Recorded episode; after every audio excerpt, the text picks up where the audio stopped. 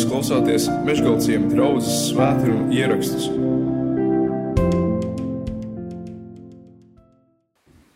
Mani kādreiz pārņem tāds nu, iekšējs diskomforts, tad, kad es dzirdu tādus vārdus vai vārdu savienojumus kristietības kontekstā, kā mīli sevi, mīlēt sevi, iepazīt sevi vai, vai piedot sev.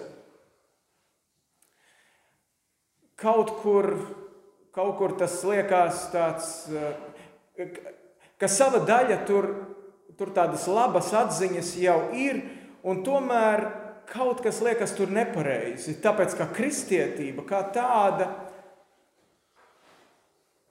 tā nav par mani.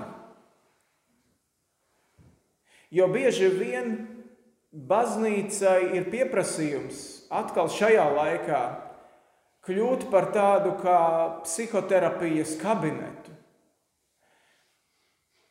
kurā, kurā tu tiec ne, ievests kaut kādos savos dziļumos, un tad tu skaties uz sevi un patiešām mēģini atrast un piedot sev kaut kādas vainas, bet tas tā, tam tā nevajadzētu būt. Baznīca nav psihoterapijas kabinets.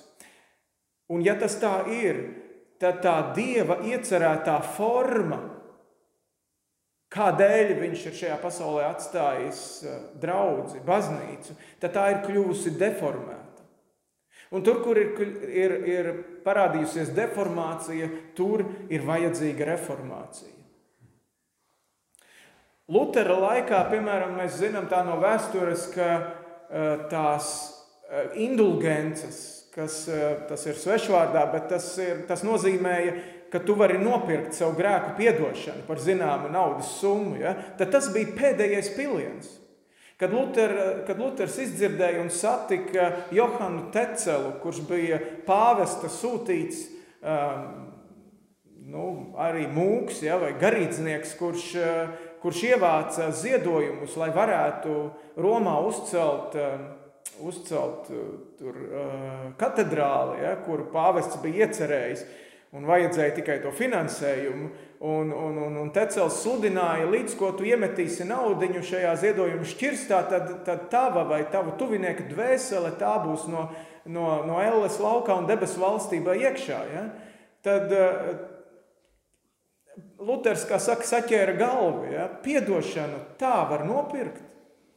Tas bija pēdējais piliens. Un, protams, Luters jau nebija tas vienīgais reformators. Tur jau lai, labu laiku pirms viņa jau bija cilvēki, kuri cēla trauksmi un teica, ka tas kaut kādīgi, kaut kādīgi nesaskan.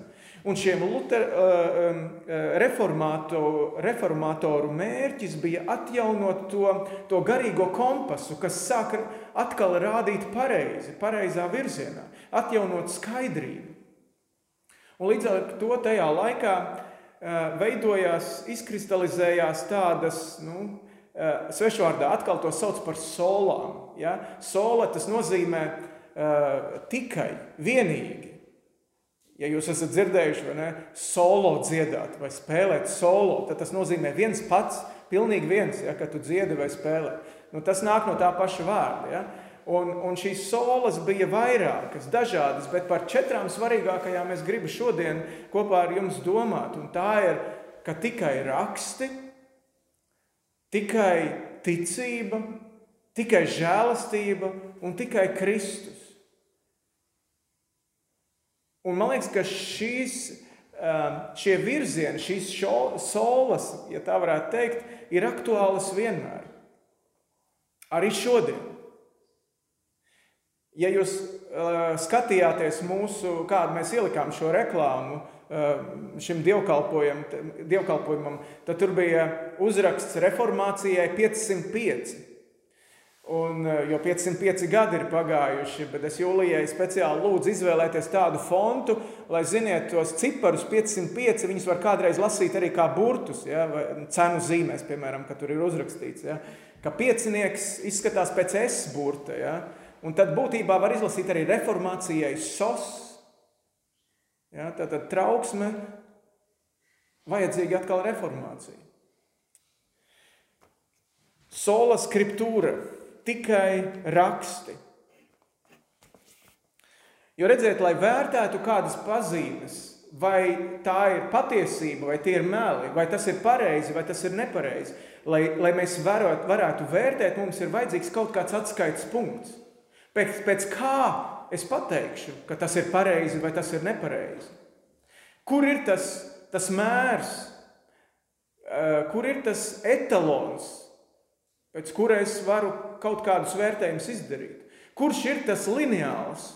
kurām es to parādību vai, vai teicienu varu nolikt blakus un, un pateikt, vai viņš ir taisns vai, vai līgs. Lutheram, kā, kā mūkam, viņam šie svētie raksti bija pieejami. Protams, tie bija latviešu valodā, bet nu, viņš to prata un zināja, viņš to lasīja. Tautai tajā laikā tādas nebija tādas iespējas tikt pie svētajiem rakstiem. Un tautai bieži vien varēja iestāstīt, sazin ko. Un tad es domāju, kā tas ir ar mums šajā laikā dzīvojošajiem, 21. gadsimtā, 21. gadsimta sākumā. Es domāju, ka, ka svēto rakstu autoritāte arī šajā laikā ir pietiekami zema. Un par to ir parūpējusies liberālā Bībeles kritika, kas kas saka, šo grāmatu tāpatās var vēsturiski kritizēt un, un lasīt kā jebkuru senu, eh, senu, senu tekstu. Eh, un, un, un svētie raksti tas ir kaut kas tāls, tas ir kaut kas senos laikos, ko mēs varam tur pētīt, ķidāt un, un uh, interpretēt bieži vien ļoti alegoriski tikai. Ja? Uh, taču rakstos Dievs atklāja sevi Svētie raksti ir grāmata, kuros, kurā Dievs atklāja sevi, kurā Viņš atklāja glābšanas ceļu.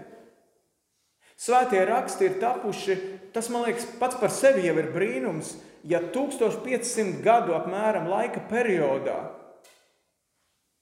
66 grāmatas, apmēram 40 autoru, dažādu autoru sarakstītas. Dažādās vietās, dažādās vēsturiskās situācijās rakstīts, bet tomēr kā tāds sarkans pavadiens ved, uh, iet cauri visai šai grāmatai, visai šai bibliotēkai, iet cauri, iet cauri tā dieva uh, sevis atklāsme un, un glābšanas vēsts. Lutera laikā rakstiem līdzās nostājās tradīcija. Vienlīdz nozīmīgi Dieva sevis atklāsmei rakstiem, rakstos nostājās tradīcija. Dažreiz tā tradīcija pat aizgāja priekšā rakstiem, tāpēc ka pāvests bija nemaldīgs. Pēdiņās. Nekļūdīgais pāvests tā kā pateica, tā arī ir, pat ja tas bija pretrunā ar svētajiem rakstiem. Un kad Luters nonāca pie tās svēto rakstu skaidrības, kad viņam atvērās ja, šīs acis uz svēto rakstu būtību, tad viņš darīja visu, lai atjaunotu šo um, svēto rakstu autoritāti pāri tradīcijai. Tikai raksti, tikai un vienīgi raksti ir atskaites punkts. Un tāpēc Luters arī darīja visu. Viņš arī pats tulkoja uh, Bībeli vācu valodā, lai cilvēki varētu saprast, lai cilvēki varētu lasīt, lai cilvēki varētu izvērtēt paši savām acīm un paši saviem prātiem. Kā tas ir ar mums šodien? Es domāju, ka šodien svētajiem rakstiem ļoti lielu, ja tā var teikt, konkurenci sastāda mēdīji. Jo mēs varbūt vairs nepievēršam tik lielas uzmanības kaut kādām tradīcijām, arī jau tradīcijas nekur nav pazudušas. Bet tāpat, tāpat laikā mums ir mēdīji ar dažne dažādiem viedokļiem, kas par dažādām parādībām pasaulē un garīgajā pasaulē, tā skaitā un par garīgām vērtībām, izsaka savus viedokļus. Un mēs bieži vien esam arī uh, to viedokļu varā. Kāda, es dzirdēju, kāda mediju pētniece uh, tas bija Ukraiņas kara sakarā, bet viņa teica, eh, ka, ka notiek tāda, tāda dīvaina lieta te, tur, eh, ka, ja, ja ir kāds notikums ja, tajā kara laukā, tad tā viena puse pasaka, tur notika tas, Vai nu mēs to izdarījām, vai tur pretinieks, vai ne, bet viena puse pasaka to. Bet tā otra puse, viņa iesviež tajā informatīvajā laukā piecas dažādas versijas, kuras pilnīgi var būt ļoti dažādas, cita citai pretrunīgas. Bet piecas dažādas iesviež tajā laukā. Un cilvēks, kurš tagad lasa, viņš vairs neko nesaprot. Kas tas varētu būt? Varētu būt tā, šitā, tā, ah, un tur vēl ir arī tā. Un, un tas, eh, tas skats uz patiesību, tas tiek tā izpludināts. Tā patiesība pazūd kaut kādā miglā. Un šī duļķēnā migla ir ļoti izdevīga dieva ienaidniekam. Redziet, šodien mūsdienu cilvēkam Bībeles pieejamība nav problēma, atšķirībā no Lutera laika. Bet Bībeles lietošana gan man šķiet varētu būt problēma. Bībeli mēs varam iegādāties un, un, un lasīt, vai ne grāmatas formā, un, un, un arī tagad jau lejuplādēt savos, savos telefonos. Mēs varam arī telefonos lasīt. Bet kā Ilmārs Hiršs, doktors savā jaunākajā grāmatā raksta, ja jau, nu, kā teikt, ja, bībel, ja uz Bībeles var krāties putekļi mūsu mājās, jau tās lapas paliek baltas un nelietotas, tad, tad vismaz telefoniem nedraud tas, ka tur putekļi sakrātos virsū. Telefonus mēs vienmēr tā smuki ar pirkstu vai nevienmēr vienmēr notīram. Vismaz, vismaz uz telefoniem putekļi ne, ne, nekrājās. Jā. Mums, mīļie, ir jāzina Bībeles teksts. To jau apustulis Pāvils savam jaunajam māceklim Timotejam sacīja, bet tu paliec mācībā, ko, ko esi mācījies un par ko esi pārliecinājies, jo tu zini, kas tev to ir mācījuši. Un ka tu no mazām dienām zini svētos rakstus, kas spēj padarīt tevi gudru pestīšanai caur ticību Kristu Jēzu. Visi šie raksti ir dieva iedvesti un ir noderīgi mācībai, vainas pierādīšanai, labošanai, audzināšanai taisnībā, lai dieva cilvēks būtu pilnīgs, sagatavots katram labam darbam. Redziet, tu vari lasīt, un tu vari var arī visu Bībelē uzrakstīto nesaprast. Un tas nav nekas ne, nesa, neparasts. Bet, bet, ja tu lasi, tad Dieva svētajam garam būs tas materiāls, ar ko strādāt tevī. Ja tas nav, es domāju, tad Dieva garam ir, ir, ir daudz grūtāk. Lasiet Bībeli, mācieties arī kādus pantiņus no galvas, mācieties atcerēties, kurā vietā Bībelē šo var atrast. Pat ja tu no galvas viņu neiemācies. Ja? Neapmierinieties ar ar kaut kādu sarežģītu psiholoģiju, ne, varot Bībeli vaļā. Lasiet to tādā Kristus vienkāršībā. Jo mēs ticam, un reformātori to tā formulēja, ka rakstos viss nepieciešamais glābšanai un ticībai un dzīvei ir mācīts pietiekami skaidri, lai vienkāršais ticīgais to varētu saprast un lietot. Rakstos viss nepieciešamais glābšanai, ticībai un dzīvei ir mācīts pietiekami skaidri, lai vienkāršais ticīgais to varētu atrast, saprast un lietot.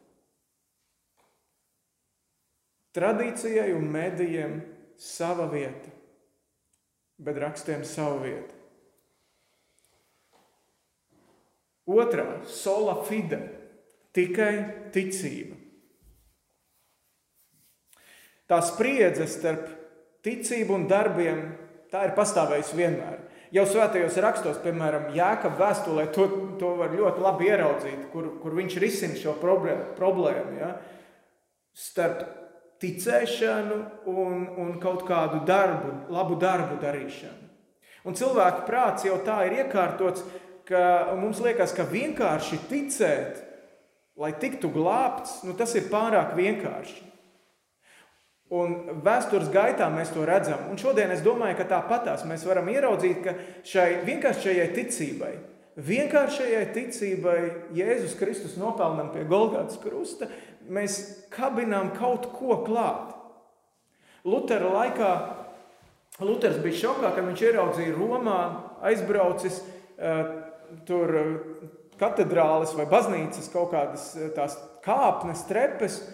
Es nezinu, cik viņas tur bija augstas, bet, bet šie cilvēki, kā teikt, grēcinieki, uz ceļiem rāpoja pa tām trepēm augšā, uz katra pakāpiena noskaitot rožkroni. Jo viņa bikts tēvs tā bija teicis, ja tu kāpsi tur pa tām Romas katedrāles kāpnēm uz augšu un uz katru noskaitīs rožkroni, tad augšā tavi, tavi grēki tur būs piedot. Un es to neatceros precīzi, bet iespējams, ka Lutheram pašam šī recepte bija teikta, kā augšā skaitīdams rožkroni, lai saņemtu grēku piedošanu. Mēs saprotam, ka tas ir kaut kāds klaji aplams koncepts par grēku piedošanu. Ja? Bet, ja tu tā šodien tā kritiski uz sevi paskatītos, tad, tad piemēram, kad tu ienāc baznīcā un, un neieraugi tur ziedojumu kastīti un ieliec tajā savu ziedojumu iekšā, vai nav kaut kur fonā doma par to, ka tu tomēr kaut kādā veidā um, nu, kaut ko labu tagad esi izdarījis, vai ne? Un kad Dieva priekšā kaut kāds ķeksīts ir pievilkts. Paldies par jūsu ziedojumu. Es, es saku, jā, ziedot ir labi, ja? bet vai fonā ir tikai ticība?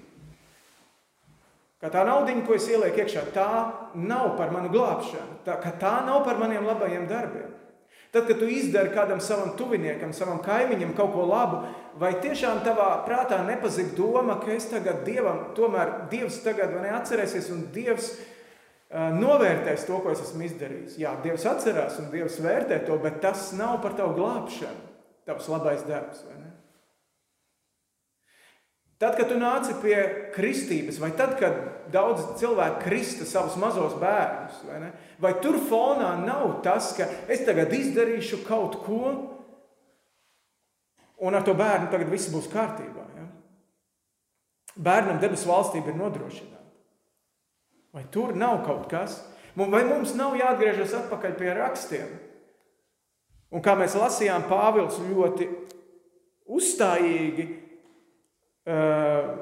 pasvītro ticību. Kā mēs šeit lasījām Romiešu vēstulē, tad nu mums ticībā taisnotiem ir miers ar Dievu. Ar viņu gādību mēs, kas ticam, esam iegājuši žēlastībā. Ja? Efeziešu vēstulē viņš saka, jo no žēlastības jūs esat pestīti ticībā, un tas nav no jums. Viņš, eh, viņš šeit piemin arī to Ābrahāma piemēru, par kuru mēs te iepriekš lasījām 4. 4. nodaļā. Patiesībā 4. nodaļas sākumā jau viņš saka, ko lai sakām par savu ciltstāvu pēc miesas Ābrahāmu, kādu labumu viņš ir panācis. Jo, ja Ābrahāms kļuvis taisnots ar saviem darbiem, tad viņš ir liels, bet ne Dieva priekšā. Jo ko saka raksti? Ābrahāms ticēja Dievam, un tas viņam tika pielīdzināts par taisnību. Jāņa evanģēlijā Amadejs to savā nedēļā, te būdams bieži vien pieminēja 5. nodaļā, 24. pāntu. Patiesi, patiesi, Jēzus saka, es jums saku, kas manus vārdus dzird un tic tam, kas mani sūtīs, tam ir mūžīgā dzīvība. Ticība, ticība, ticība. Vai tu tici, ka tu esi izglābts tā nevis savas ne, baltā krekla un skaistās šlipses dēļ, ar kur tu esi atnācis uz baznīcu. Tu neesi izglābts sava lādzīgā rakstura dēļ. Tu esi izglābts tāpēc, ka tu dzirdēji evaņģēlīju. Tāpēc, ka tu ticēji Jēzum Kristum, kurš pie krusta savas asinis par tevi izlēja. Tu noticēji, tu atstāji savu, savu grēku nastu krusta pakājai. Tu lūdzi atdošanu, tu saņēmi apžēlošanu, saņēmi atdošanu, tu sāki jaunu dzīvi. Tikai uzticoties viņam. Un tad tu gāji, un tad tu apliecināji to kristībā. Ir sācies kaut kas jauns. Un tas ved mums pie nākamās solas, pie sola grācija, žēlastība, tikai žēlastība. Efeziešu vēstulē Otrā nodaļa, 8. pāns, jo no žēlastības jūs esat pestīti ticībā, un tas nav no jums. Tā ir Dieva dāvana, ne ar darbiem, lai neviens ne, nelielītos. Jā, tu gan atsaucies. Tu vari teikt, es atsaucos Dievam. Es satvēru to viņa uh, žēlastībā izstiepto roku. Jā, tu to izdarīji. Tā bija tava izvēle. Tas bija tas, uz ko Amadejs savā nedēļā braukdams ne, uz cilvēku aicināja. Izdarīt šo izvēli. Un tomēr bez dieva žēlastības pat tas nebūtu varējis notikt. Bez dieva žēlastības tu būtu palicis akls un kurls pret dieva balsi. Efeziešu vēstulē otrās nodaļas pašā sākumā Pāvils saka, arī jūs bijāt miruši savos pārkāpumos un grēkos, kuros reiz dzīvojat pakļauti šīs pasaules varas nesējam gaisa valsts valdniekam, garam, kas vēl tagad darbojas nepaklausības bērnos. Jūs bijāt miruši. Ko mirušais var darīt? Neko, neko paldies, Endija. Mirušais neko nevar darīt. Kādas izvēles mirušais var izdarīt? Nekādas. Kādu roku mirušais var satvert? Nekādu. Sandrai bija tikko operācija ja, pagājušajā nedēļā, un viņa teica, ka viņa modās augšā no narkozes. Ka ir tā sajūta, nu, ka, ja, ka tu dzirdi, ka tu dzirdi, kā ar tevi runā, ka tevi modina, bet nav spēka ne, ne pirkstiņu pakustināt un reaģēt un, un pateikt, ka es tevi dzirdu. Ja tād, tādā stāvoklī mēs kā grēcinieki dzīvojam, un ja tā nebūtu bijusi Dieva žēlastība, mēs joprojām būtu nespēcīgi, akli, kurli un nespētu dzirdēt Dieva balsi. Bet Dievs savu žēlastību parādīja pirmais. Ja es saredzu un sadzirdu, un ja tev šodien kaut kas, kā saka, atveras, nostājas pa plauktiņiem un pielēc, tad tā ir Dieva žēlastība. Un tad, kad es sāku tiekties pēc viņu, tad, kad es sāku tiekties, uh, lai kļūtu viņam līdzīgāks, uh, tad, kad es sāku tiekties pēc svētuma, kad es sāku tiekties pēc kādām dzīves izmaiņām, uh, kad es sāku tiekties pēc kādiem labiem, smaržīgiem augļiem manā dzīvē, tad tā ir mana atbilde uz Dieva žēlastību. Žēlastību nevajag uzlabot ar labiem darbiem no savas puses. Žēlastība ir perfekta tāpat jau.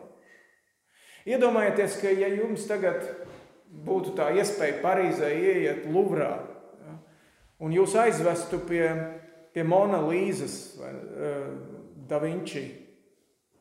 Nē, Da Vinci ir Mona Līza. Jā, laikam, ka es te nenokļūdos. Monas Līzes slavenās gleznas un iedotu tev krāsu kasti un teiktu, nu, uzlabo. Nu, ko tu tur mēģinātu darīt? Nezinu, acu ēnas monai līzai piezīmēt vai sārtākus vaigus, ja, lai viņi būtu smukāki. Nē, tā, tā glazna ir perfekta. Ja. Tu tur nevarētu neko pielabot klāt. Tikai žēlastība tas nozīmē, ka tu un es mēs esam kā tie kā tie noziedznieki pie krusta, kas ir jēzum blakus pienegloti. Tas viens tur zaimoja jēzu, bet tas otrs ar pieneglotām rokām un kājām pie krusta viņš teica, kungs piemini mani, tad, kad tu nāks debesu valstībā. Un Jēzus teica, šodien tu būsi ar mani paradīzē. Tas cilvēks tajā brīdī, viņam viss nu, viņš neko vairs nevar izdarīt. Tas bija skaistī, skaitītas stundas līdz viņa nāvei. Viņa rokas pat bija pienaglotas, kājas bija pienaglotas. Viņš nevienu labu darbu savā dzīvē vairs nevarēja izdarīt. Tomēr viņš piedzīvoja Dieva žēlastību. Kāpēc? Tāpēc, ka tas, kurš viņam blakus arī karājās pie krusta, šis Dievs un cilvēks, šis Jēzus, viņš, tas pēdējais vārds, ko, ko viņš izsaucās, bija: Viss ir piepildīts. Jēzus teica, viss ir piepildīts. Tev tur nevajag vairs neko blakus pielikt, neko mēģināt uzlabot. Un, ziniet, tādam dzīves teicamniekam, kāds esmu es, nu es ielieku pēdiņās to vārdu teicamnieks, kuram viss dzīvē ir veicies un kurš ir mēģinājis visu labi, labi darīt, man to ir ļoti, ļoti grūti pieņemt. Ka esmu glābts tikai no žēlastības. Bet tad, kad es to sāku apjaust, tad, ziniet, tas ir tik ļoti atbrīvojoši. Un man liekas, ka tad, ja, ja es kādreiz, ja es kādreiz savā dzīvē rakstīšu memoārus, tad es zinu jau, ka šie memoāri sauksies no žēlastības. Jo es esmu redzējis tik daudz dzīves, savus pagriezienus, kur es saku, tas nav, tas nav no manis. Tā ir Dieva žēlastība, ka es esmu tas, kas es esmu, ka es esmu tur, kur es esmu. Ja būtu noticis pēc mana prāta, tad tam tā nebūtu vajadzējis būt. Un beidzamā sola, un iespējams galvenā, solus Kristus, tikai Kristus. Tas ir kā riteņa ass, ap kuru visas pārējās šīs solas, mēs varētu teikt, var, var kā tādi spieķi būt. Ja? Bet šis solis Kristus, tikai Kristus ir kā tā riteņa ass. Mēs eh, nesen ar eh, brāļiem, garīdzniekiem braucām arī uz tādu sapulci, kurā tika runāts par uh, svētā gara dāvanām. Un jūs zināt, ka Bībele saka, ka svētā gara dāvanas ir ļoti dažādas. Daudzas draudzēji ir izdalīts nu, katram savu dāvanu, lai nestu draudzē svētību. Un tad, tur braucot, viņš, mēs tā pārunājām tās lietas, un viņš teica, man liekas, ka ir tikai viena gara dāvana, pēc kuras vajadzētu, vajadzētu tiekties. Tas ir Kristus pats. Un man liekas, ka tur ir ļoti liela taisnība. Mēs šorīt arī ar Sandru pie brokastu galda lasījām Jāņa Evanģelija 15. nodaļu, kur Jēzus saka, es esmu vīnakoks, jūs esat zāri, palieciet manī. Es esmu tā riteņās, jūs esat spieķi, palieciet manī. Līdz ko tas nebūs, līdz ko jūs nebūsiet pieķērušies man, tas viss aizies pa pieskari. Ja? Tur tas centra beidzas spēks aizsviedīs uz visām pusēm. Kristus persona. Ja solām pietrūkst Kristus persona, tad šī tad šis ritenis izjūg. Viss aiziet uz visām pusēm. Žēlastība var kļūt vienkārši par laimīgu gadījumu, par sagadīšanos. Ticēt var jebkam galu galā. Kā Amadejs teica, pat ateisti tic. Nav cilvēka, kurš neticētu. Un ticēt var pat ļoti, ļoti, ļoti stipri. Pat maldiem. Visi ceļi ved uz Romu gal galā. Ja? Visi ceļi taču var aizvest pie, pie Dieva. Kā es dzirdēju tagad vakardien, ka, ka esot mūsu Latvijā, pat mednieki, kur savā kolektīvā pēc medībām upurē pateicību Diānai, medību dievietē, pilnā nopietnībā. Un pēc tam droši vien otrā dienā, vai ne svētdienā, kāds no viņiem arī ir baznīcā. Jā, nu visi ceļi jau kaut kā ja Kristus nav centrā. Var pat augstu vērtēt rakstus. Mēs lasot evanģēlijas, mēs taču redzam, ka farizēji pārzināja rakstus, viņi citēja rakstus. Rakstu mācītāji zināja, kur Kristum bija jādzimst, tā kā Herods viņiem prasīja. Visu viņi zināja. Bet kādu, kādu rūkstu secinājumu Jēzus par viņiem saka, Jāņa Evangelijas 5. nodaļa, 39. 40. pāns. Jūs pētījāt rakstus, jo jums šķiet, ka tajos jums ir mūžīgā dzīvība, un tie ir, kas dod liecību par mani. Bet jūs negribat nākt pie manis, lai iegūtu dzīvību. Kristus nav centrā. Tikai Kristus persona dod visam dzīvību un jēgu. Tikai raksti, tikai ticība, tikai žēlastība un tikai Kristus. Šīs reformācijas solas sniedz mums ļoti svarīgus orientierus. Es domāju, ka Dievs mums jau kā katram cilvēkam ir ielicis sirdsapziņu, ja? un sirdsapziņa jau tāpat kaut kādu virzienu norāda. Tas ir tāpat kā ja jūs kādreiz uh, telefonos atverat karti ja? vaļā, tad jūs norādat to gala mērķi, kur jūs gribat nokļūt, un tā kādreiz uh, viņi piedāvā vairākus variantus, kā tu tur vari nokļūt. Tu vari nokļūt pa šo ceļu, pa to ceļu, pa to ceļu. Tas ceļš uh, paprasīs tik daudz laika, tas tik, tas tik. Ja tu ies ar kājām, tad tik, ja tu brauc ar vilcienu, tad tik, ja tu brauc ar vieglo mašīnu, tad tik. Viņš dod kaut kādus daudzus variantus. Ja? Bet, uh, bet solas mums, mums šajā garīgajā pasaulē konkretizē šo šauro ceļu, vienīgo ceļu, tikai, tikai solo, solo, vienīgi un tikai. Viņi konkretizē. Un katrai paudzei šo ceļu ir jātīra no jauna. Tāpēc, ka dzīves dabiskais ritējums notrulina, dzīves dabīga, dabiskais ritējums noputina. Un, un, un ir labi reformēt to, to deformēto formu atkal no jauna. Dzīves dabiskais ritējums bieži vien liek visam nu, ritēt ap mani. Es esmu tas centrs, un tad viss pārējais iet orbītā ap mani. Ja? Es esmu centrā, un tas baro tikai manu egoismu. Un te nu ir tas mīli sevi. Mācies pazīt sevi, piedod sev.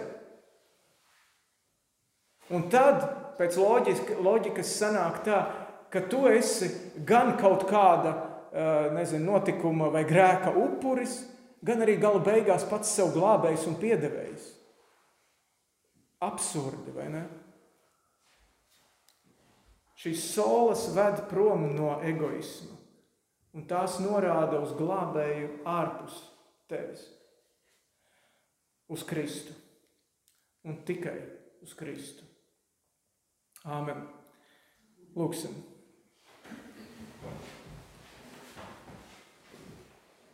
Kungs, pie kā lai mēs ejam? Tev pieder mūžīgās dzīvības vārdi. Un mēs gribam lūgt, lai tu notīri visu,